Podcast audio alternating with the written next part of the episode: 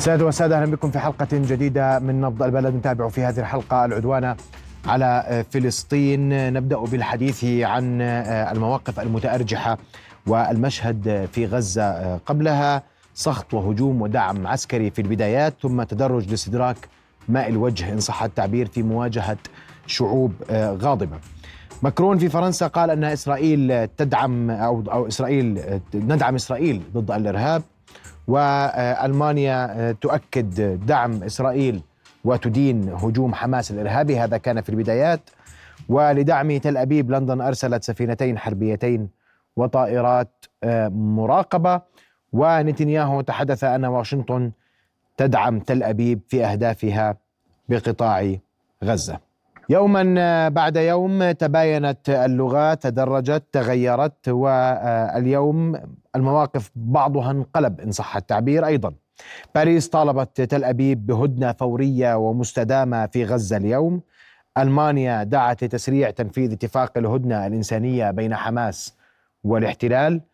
برلمانيون بريطانيون دعوا للتحقيق في جرائم الاحتلال والرئيس الأمريكي قال تل أبيب بدأت تفقد الدعم في جميع أنحاء العالم وحكومة نتنياهو تقيد حركته. نبحث لماذا تبدلت هذه المواقف؟ أين طورت الاحتلال؟ أين أصابت حماس؟ أمريكا هل فقدت سيطرتها على حكومة الاحتلال؟ ولماذا أوفدت مستشار أمنها القومي إلى المنطقة مؤخرا؟ تبدل المواقف في العلن هل صاحبه رسائل تحت بند سري ومكتوم؟ هذه التفاصيل نناقشها مع ضيفي الليلة دكتور عامر السبايري الكاتب والحلول السياسي مساء الخير دكتور عامر أهلا بك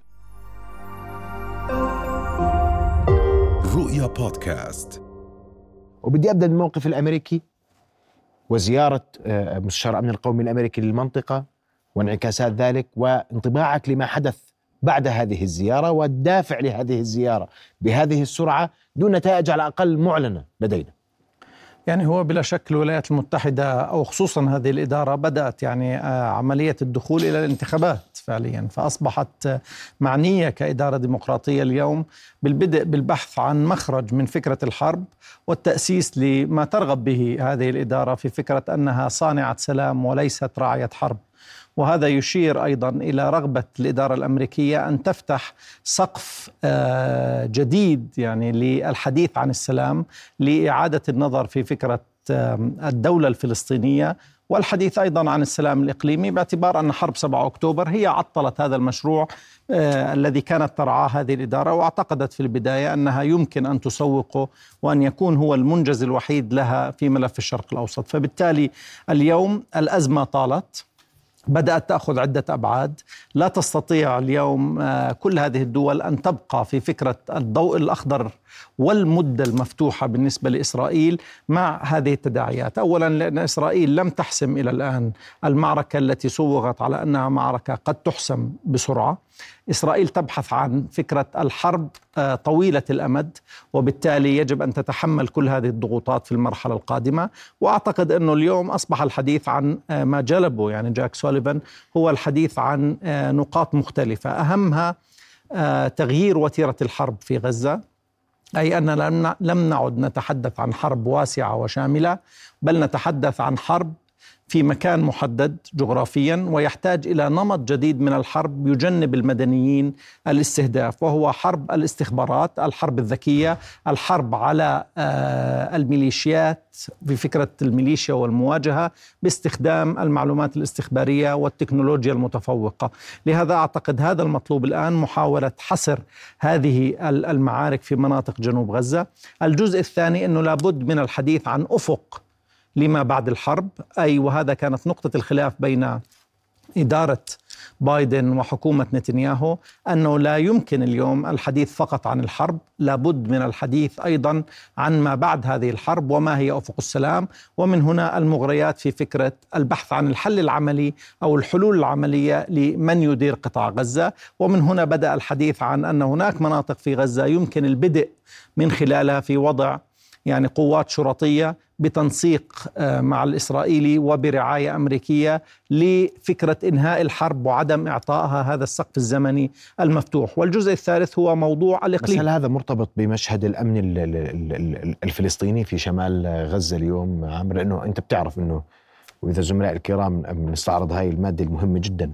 ونشرت على مواقع التواصل الاجتماعي وتابعنا انتشار أفراد للأمن الفلسطيني. في شمال القطاع صحيح؟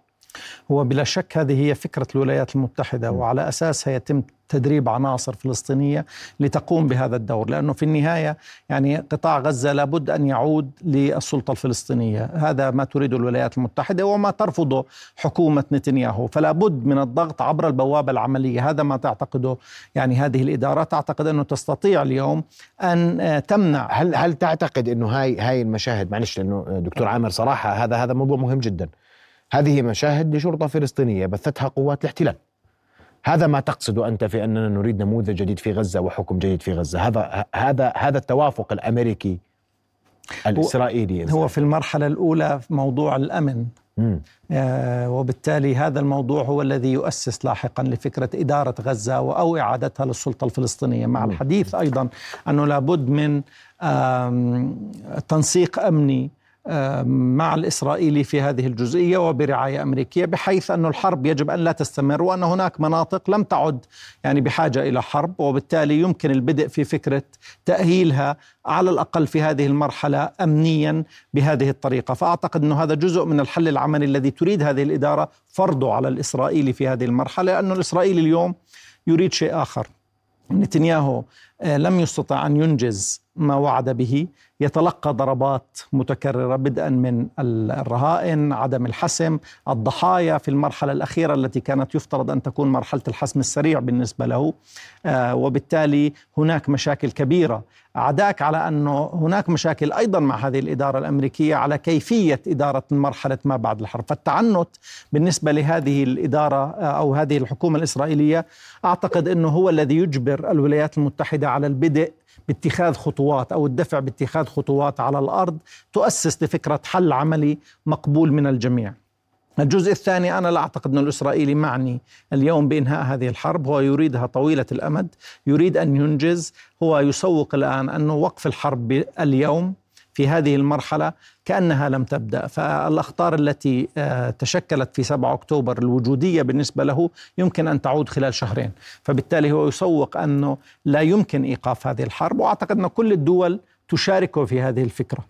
كل الدول حتى الدول التي طرحتها أنت أنها غيرت مواقفها، هي تغير مواقفها من الجانب الإنساني لكن هي لا تطلب انهاء تقصد الحرب. فرنسا، ألمانيا وبريطانيا وحتى الجميع يقدم خدمات والجميع آه، يساند والجميع اليوم على المستوى الاستخباري مشارك والجميع يطلب من الإسرائيليين شيء واحد تجنب المدنيين أو عدم إحراجهم أكثر في فكرة الإصابات المدنيين والتركيز على فكرة إحداث أهداف حقيقية بموضوع إضعاف حماس حد إخراجها يعني من السلطة في غزة. وهذا هذا الخلاف الأساسي اليوم بعد يعني في في اتجاهنا للشهر الثالث. وليس الخلاف على فكرة استهداف حماس أو إقصاء حماس من المشهد.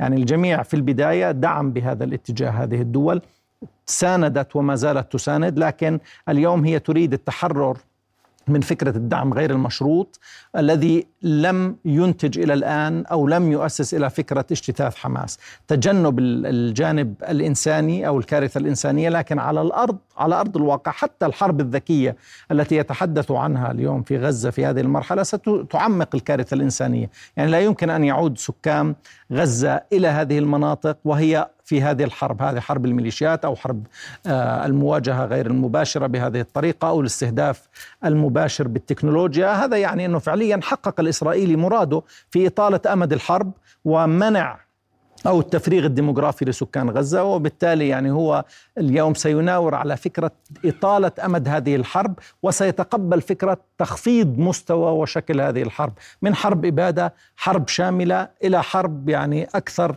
لنقل متخصصة. لكن سيعمل في نفس الوقت في وتيرة أخرى لأنه لا يمكن للإسرائيلي اليوم أن يخسر هذا الدعم. وبالتالي سيحاول أن يناور في قصص مختلفة أهمها مواضيع في الإقليم. يعني أبرز ملف اليوم في الإقليم في هذه الجزئية هو آه، طلب الإسرائيلي بضرورة تطبيق قرار الأمم المتحدة 1701 في لبنان والدفع بحزب الله إلى ما خلف نهر الليطاني. وانظر إلى وتيرة ارتفاع اليوم جبهة جنوب لبنان آه، تشير أن الإسرائيلي في هذه المرحلة آه، في مرحلة المواجهة في غزة التي يعني واضح أنها مرحلة مواجهة على الأرض هو يتجه إلى فكرة أن تطبيق قرار 1701 لابد أن يبقي الدعم. كل هذه الدول موجود. يغطي نفسه بقرار أممي. ينقل الأزمة إلى طرف آخر أو إلى منطقة أخرى. لكن كلها تأتي في سياق تأمين إسرائيل الذي ليس عليه خلاف بالنسبة لهذه الدول. لهذا هو سيسعى اليوم أن تكون جزئية لبنان حاضرة بشكل قوي في المرحلة القادمة بحيث زخم الدعم يبقى. ويستمر هو في هذه المواجهة بوديره أقل ويخفف إلقاء الضوء على موضوع غزة وينتقل أيضا للتخفيف من الضغوطات من الولايات المتحدة بمحاولة أيضا البحث عن صفقة آه، من شكل الهدنة السابقة أو أقل تقدير مع العلم أنه يعني هذه الدول زي فرنسا هي معنية بمواطنيها آه، ألمانيا معنية بحاملي الجنسية الألمانية. يعني هناك رهائن حاملين لهذه الجنسيات فلهذه الدول أيضا مصالح في هذه الجزئية عداك عن الولايات المتحدة.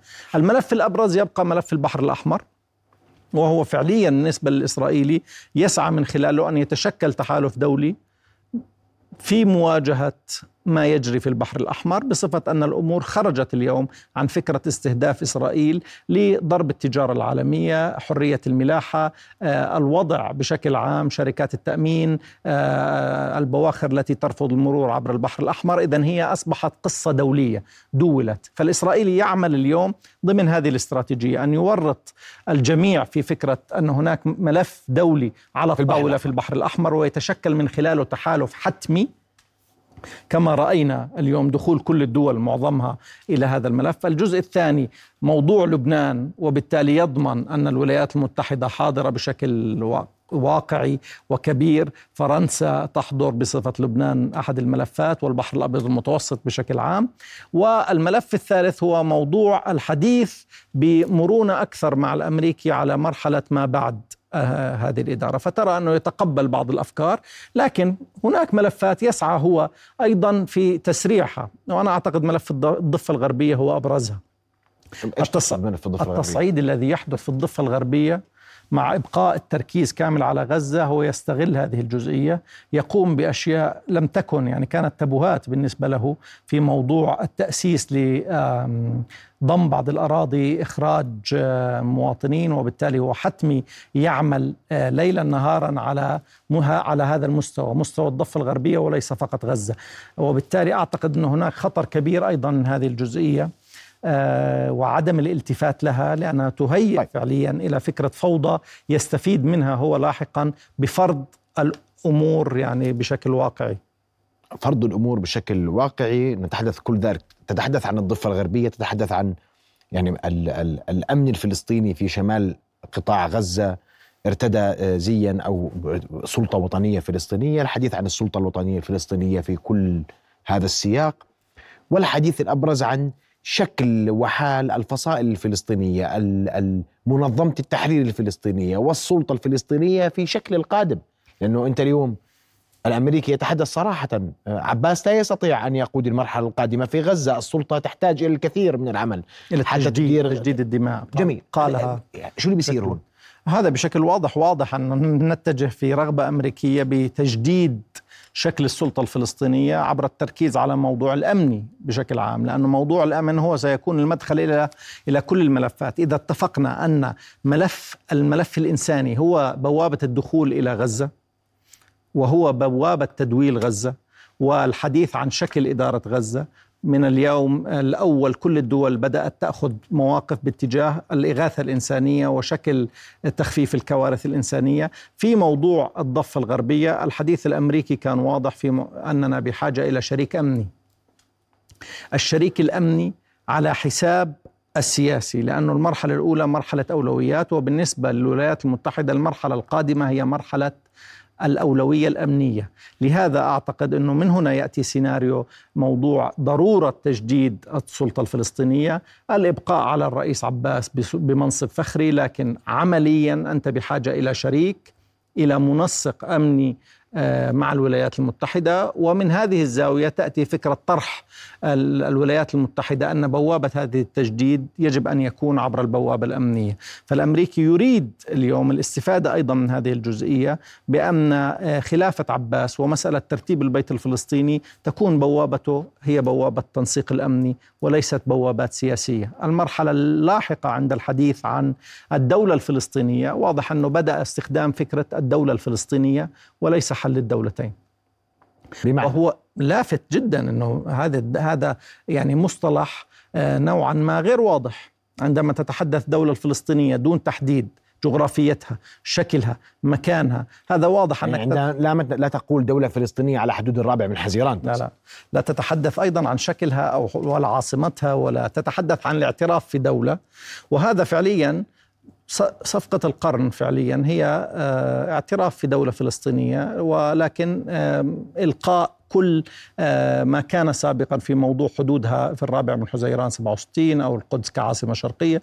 والحديث عن فكرة مدن متناثرة على شكل الأرخبيل هو اليوم يؤسس لهذه الفكرة لكن عبر بوابة الحرب أن التنسيق الأمني أن شكل غزة القادم أن السلطة. ما الذي يحدث من تصعيد في نابلس في جنين في الخليل في القدس نفسها؟ كل هذا إلى أين سيؤدي فعليا؟ يؤدي إلى محاولة فرض حالة من الأمر الواقع على الفلسطينيين أو على المشهد الفلسطيني. وبالتالي بعد وصولنا آه، إلى نهاية الحرب في غزة لنتفاجأ بواقع تم تشكيله على الأرض بضم آه، أراضي أو إخراج الفلسطينيين من أماكنهم أو فرض آه، وجه لنقل سلطة أمنية على أماكن. هذا كله يشير أن الإسرائيلي يسير على مختلف المستويات وأعتقد أن الأمريكي يهيئ له هذه الظروف بالبدء الحديث فقط عن التنسيق الأمني وعن ضرورة أن يخوض الفلسطيني أيضا دوره في موضوع فرض الأمن سواء في الضفة الغربية أو في غزة مستقبلا. وبالتالي هذا يشير أننا أمام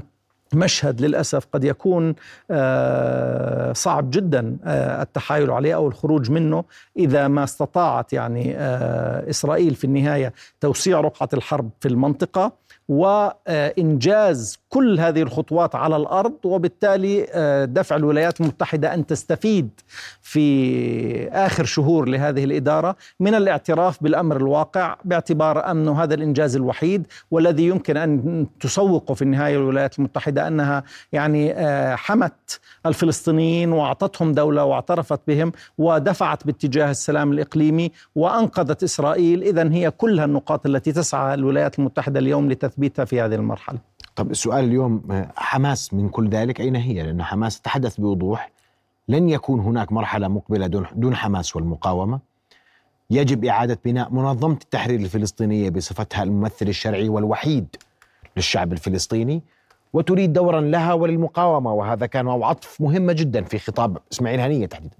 شوفوا معركة حماس العسكرية على الأرض في جنوب غزة اليوم آه، لا تقل أهمية عن معركتها السياسية لأنه فعليا الإسرائيلي أراد إقصائها وكان هناك قبول دولي بإقصائها ربطها بتنظيم داعش إخراجها من المشهد رفض التعامل معها وضع على لائحة الإرهاب يعني آه، وضعها في حصار كامل وعدم قبول التعامل معها. الآن آه، في هذه المرحلة أعتقد أنه المعركة الأخيرة هذه في جنوب غزة تشير أن الإسرائيلي لم يحسم وأن حماس ما زالت تستثمر آخر أوراق لها بقوة كبيرة. بمعنى أنها ورقة الرهائن ما زالت تؤثر على الداخل الإسرائيلي والخسائر العسكرية في مناطق معينة يستثمرها آه، تستثمرها المقاومة أيضا في خلق أزمة، لكن هي لن توقف الحرب بالنسبة للعقلية الإسرائيلية ولا العقلية العسكرية الإسرائيلية، هي مصممة للمضي قدما بغض النظر عن الانعكاسات، لكن تعطي مساحة كبيرة للسياسة، فمن هنا يأتي موضوع الرهائن مجددا مرتبط بهدنة مدعوم أكثر من أكثر من دول. يأتي مساء تأتي مساحة أكبر للحديث عن الحل السياسي الذي لا تعطل حماس بل تضع نفسها يعني مع الجميع وبالتالي هي لا تقدم مسوغات لاستهدافها أو لإخراجها. اذا هناك عملية مواجهة سياسية أيضا لكل ما كان يهيأ آه، لحماس. أعتقد أن الأيام القادمة هي التي يجب على حماس أن تستثمر فيها كل ما بقي لها من أوراق حقيقية على الأرض وأن تكيشها سياسيا. وأعتقد أن القطريين يقومون بدور كبير بالنسبة مع هذه الإدارة الأمريكية.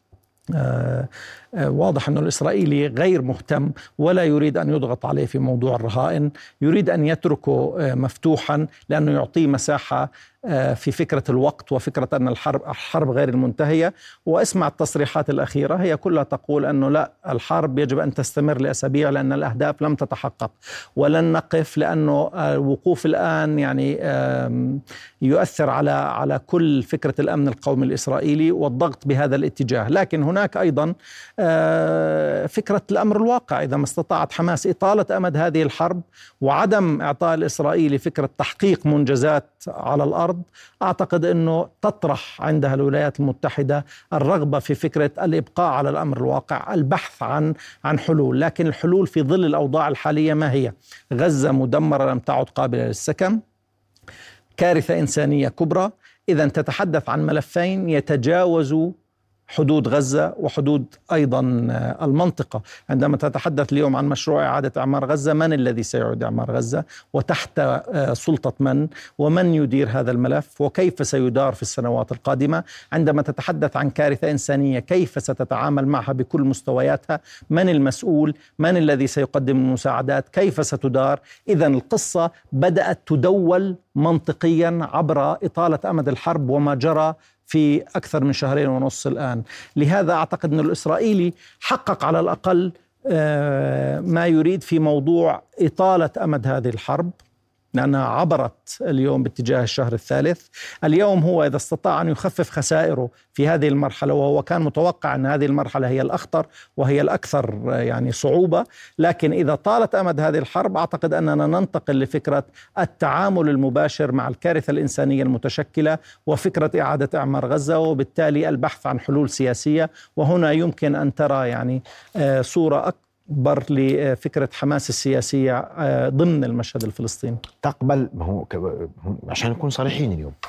حماس ليست حماس السياسية فقط في الدوحة هناك حماس على أرض غزة وهي التي تحكم المشهد اليوم إن صح التعبير آه، بجانب شقيه العسكري والسياسي لأنها هي من تفتح وتسمح لسياسة للسياسيين آه، الحمساويين في قطر كيف يكون الحديث وعن ماذا ولماذا. الحديث اليوم عن هدنة رغم كل التصريحات متوقف لدى حماس المقاومة حماس غزة وليس حماس قطر.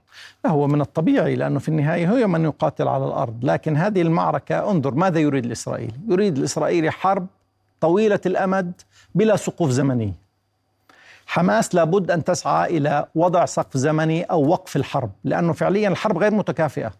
وهناك حصار يفرض على غزة بشكل كبير وهناك استهداف لحماس من كل النواحي هناك استهداف في فكرة التمويل في فكرة آه، التوريد توريد السلاح يعني حرب قائمة في كل المنطقة على حماس. إذا هي الحرب فعليا كلما طال أمدها هي تضعف حماس خصوصا أنك تتحدث أيضا عن حرب اقتصرت في غزة.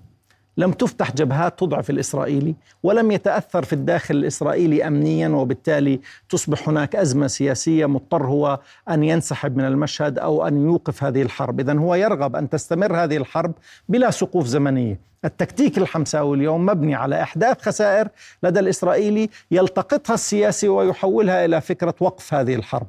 اذا هو فعليا المعادلة بين وقف الحرب أو ابقائها بين السقف الزمني المفتوح وبين الهدنة آه، وإيقاف الحرب، لهذا لا تستطيع حركة حماس أن تحارب يعني مدى الحياة في النهاية. الإسرائيلي هو من يملك اليوم السلطة على بالتحالف مع الولايات المتحدة بهذه الطريقة بضمان بتسكير البحر الأبيض المتوسط بوجود كل هذه الإمداد بالنسبة له، اذا هو فعليا عامل الوقت يحاول اليوم أن لا يكون ضده.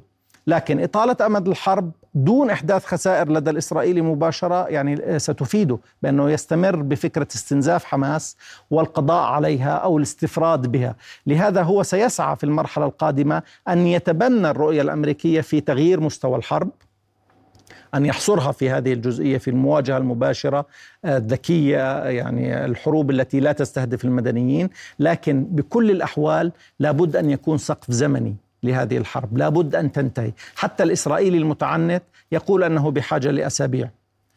لا يقول أنها حرب مفتوحة إلى الأبد. إذا هو الفكرة كيف تجعل حماس اليوم إسرائيل تقبل بوقف الحرب بسرعة؟ أعتقد هذه هي الجزئية وهذه هي معادلة الصراع الحقيقية في هذه المرحلة.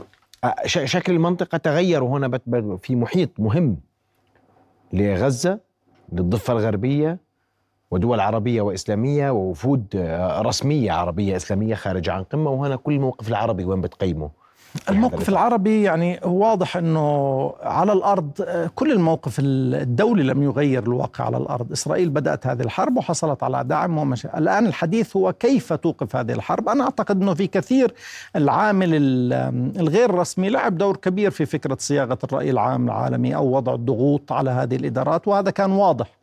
آه، وهذه حرب يعني غير متكافئة الكل يعلم ذلك لكن في النهاية بدأت وحصلت على كل هذا الدعم. مع مسارها أصبحت اليوم يعني أقل آه، قدرة آه، لدعمها بالنسبة لكثير من الدول. لابد من إيقافها لابد من البحث عن حلول. أعتقد أن الدول العربية قدمت حلول. اليوم ضغطت على آه، على حلفائها لكن بما تستطيع به لأنه أنا لا أعتقد أنه كثير من الدول يعني ترغب بأن تتعامل مع حماس. يعني واضح أننا لا نتحدث عن آه، دعم لحركة حماس. آه، كثير من الدول تسعى اليوم إلى أن تكون جزء من مرحلة ما بعد هذه الحرب. يعني كل المشاريع التي تطرح إعادة إعمار غزة إغاثة غزة الحديث وقف الحرب حتى التجرؤ في الوصول إلى وقف الحرب لكن دون آه، تقديم نوع من أنواع الدعم المباشر وهذا واضح أنه يتوافق أيضا مع مع الرؤية الأمريكية. لكن الخلاف أيضا على أن هذه الحرب لا يجب أن تستمر. فأعتقد أنه في النهاية نحن نصل إلى نقطة أن هذه الحرب ستقف. لكن سيكون الخلاف اللاحق هو على شكل الإدارة وكيفية الإدارة. الإسرائيلي سيسعى جاهدا إلى نقل الأزمة الفلسطينية أن تكون أزمة فلسطينية فلسطينية في في جنوب غزة من بوابة الحالة الكارثه عن الشمال عمرو. لا الآن هو الشمال آه هو يحاول ترتيبه بطريقة مختلفة، اولا آه هو يرغب في أن تكون منطقة ذات عمق أمني بالنسبة له أي منطقة عازلة وهذا أعتقد أنه متوافق معه الأمريكي من البوابة الأمنية. فهو إحنا نتحدث إن المعارك انتقلت إلى الشمال وانه استطاع دفع سكان غزة إلى الجنوب. إلى الجنوب عفوا ودفع سكان غزة إلى الجنوب، لكن اليوم عدم دخول المساعدات بالطريقة المناسبة، عدم السماح السماح الإسرائيلي اليوم آه لسكان غزة بالاستفادة حتى من أوقات هدنة كلها ستؤدي إلى كارثة بشرية. هو يعول عليها يعني أن تكون أن يكون هناك صراع آه، في في هذه المناطق على الغذاء والدواء باختصار يعني. هو يحاول اليوم أن يخلق حربا اهليا صح. يعني شبه حرب أهلية فقط من أجل آه، معالجة هذه الأزمة.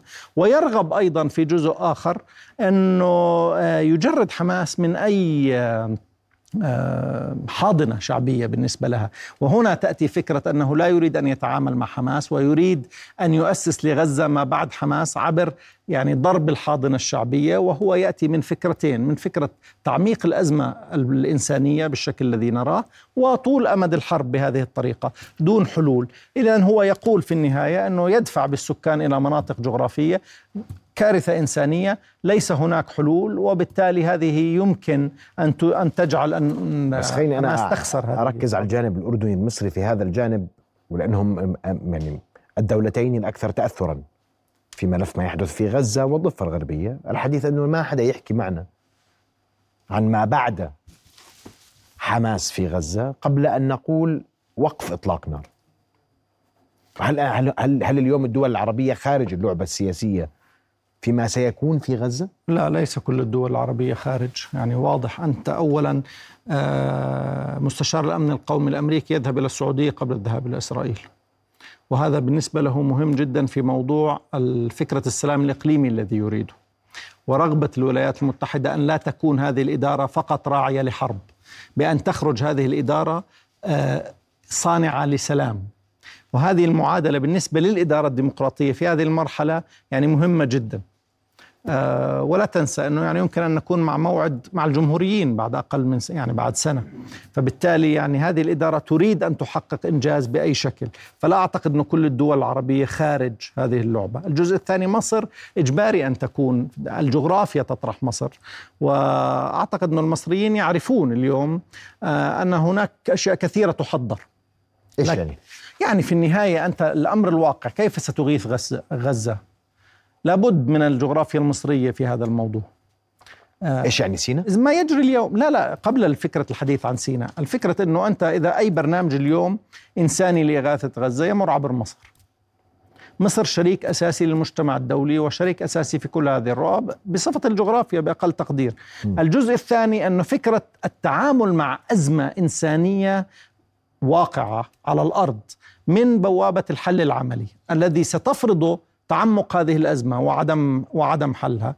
أعتقد إنه في لحظة معينة هناك منطقة يعني بين رفح وسيناء منطقة أقرب إلى إلى المنطقة الدولية يعني ستستغل بلا شك من قبل أو رغبة الولايات المتحدة أن تستغل هذه المناطق على الأقل في المرحلة القادمة لإغاثة غزة سواء مستشفيات ميدانية أو نقاط عبور إلى آخره. هذا كله يفرض الحل العملي هذا الذي أقوله في النهاية الإسرائيلي. إذا أطال أمد هذه الحرب دون سقوف زمنية هو سيبني فك سيبني كل المرحلة القادمة على تعمق هذه الأزمة الإنسانية. السر اليوم هو في إيقاف الحرب. وقف الحرب كان هو مفتاح عدم السماح للإسرائيلي بالحصول على ما يريده. الآن الإسرائيلي حتى لو قال أنا سأنسحب من غزة وسأبقي فقط على مناطق من شمال غزة كمناطق آمنة أو عازلة أمنيا بالنسبة لمستوطنات غلاف غزة إذا هي المسألة ستصبح مسألة ومشكلة آه، في أمام المجتمع الدولي. كيف سيعود أهل غزة إلى أماكنهم؟ من سيعيدهم؟ من سيعيد الإعمار؟ كل هذا اليوم هو هيئه ليكون يعني حلول طويلة الأمد يورط بها المجتمع الدولي وتكون له فيها الكلمة العليا. هو ما زال يصر على كمية المساعدات ودخولها ومتى يفتح المعبر أو يستهدفها وإلى أين تذهب. إذا هو اليوم استفادته الأساسية من أن هذه الحرب لم تقف وهو سيسعى ألا تقف حتى آه، يعني يستفيد بشكل كبير مما قام به سواء من تدمير البنية التحتية أو من خلق هذه الكارثة الإنسانية. الحديث عن مفاوضات مستمرة وجارية في إحدى الدول الأوروبية النرويج تحديدا لهدنة طويلة الأمد. تراها ممكنة أم أنها مجرد يعني لا ممكنة ومطروحة والحديث عن 30 سنة من الهدنة. يعني وأن ترحل فكرة المقاومة إلى أن لا تموت ولكن أن تبقى بصفة أنه لا يمكن اليوم آه، لغزة آه، أن تترك بهذا الشكل.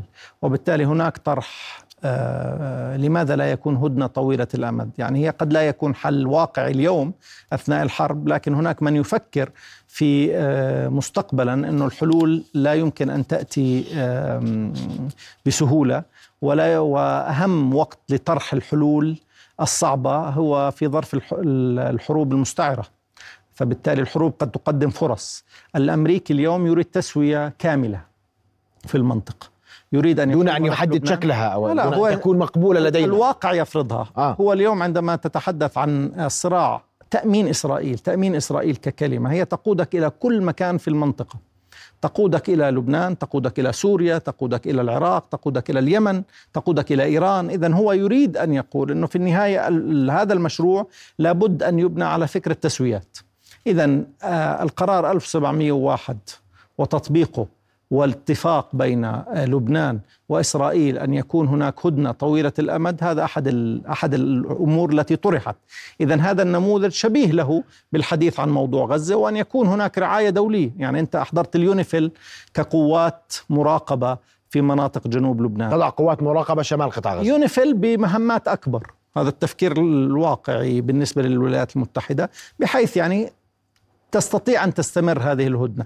الحديث اليوم عن اليمن الحديث عن ميليشيات في العراق وطلب مباشر من الولايات المتحدة للحكومة العراقية بضرورة التصرف مع الميليشيات التي تستهدف المصالح الأمريكية وكما رأينا في فكرة استهداف المنطقة الخضراء بحدود السفارة الأمريكية في بغداد، اذا الولايات المتحدة في الأسابيع القادمة سترى انه الأهم بالنسبة للمشروع أيضا الانتخابي الديمقراطي ان تحاول فرض فكرة التسويات وليس فكرة الحروب الشاملة. إسرائيل على العكس تماما تعتقد أنه اليوم هناك فرصة كبيرة لأن تنساق الولايات المتحدة والتحالف الدولي بشكل عام أن ينساق للرؤية الإسرائيلية ويستخدم يعني آلة الحرب هذه في موضوع تصفية حساباته ضمن فكرة تأمين إسرائيل أيضا إذا هو الخلاف الذي سيحدث في الفترة القادمة هو إما تسويات تضمن هذه هذا التأمين وإما حروب، أعتقد أن الولايات المتحدة تميل إلى التهديد وإلى ضبط إيقاع هذه الحروب ومن هنا جاءت آلة الحرب العسكرية بهذه الطريقة حتى تكون يعني ضابطة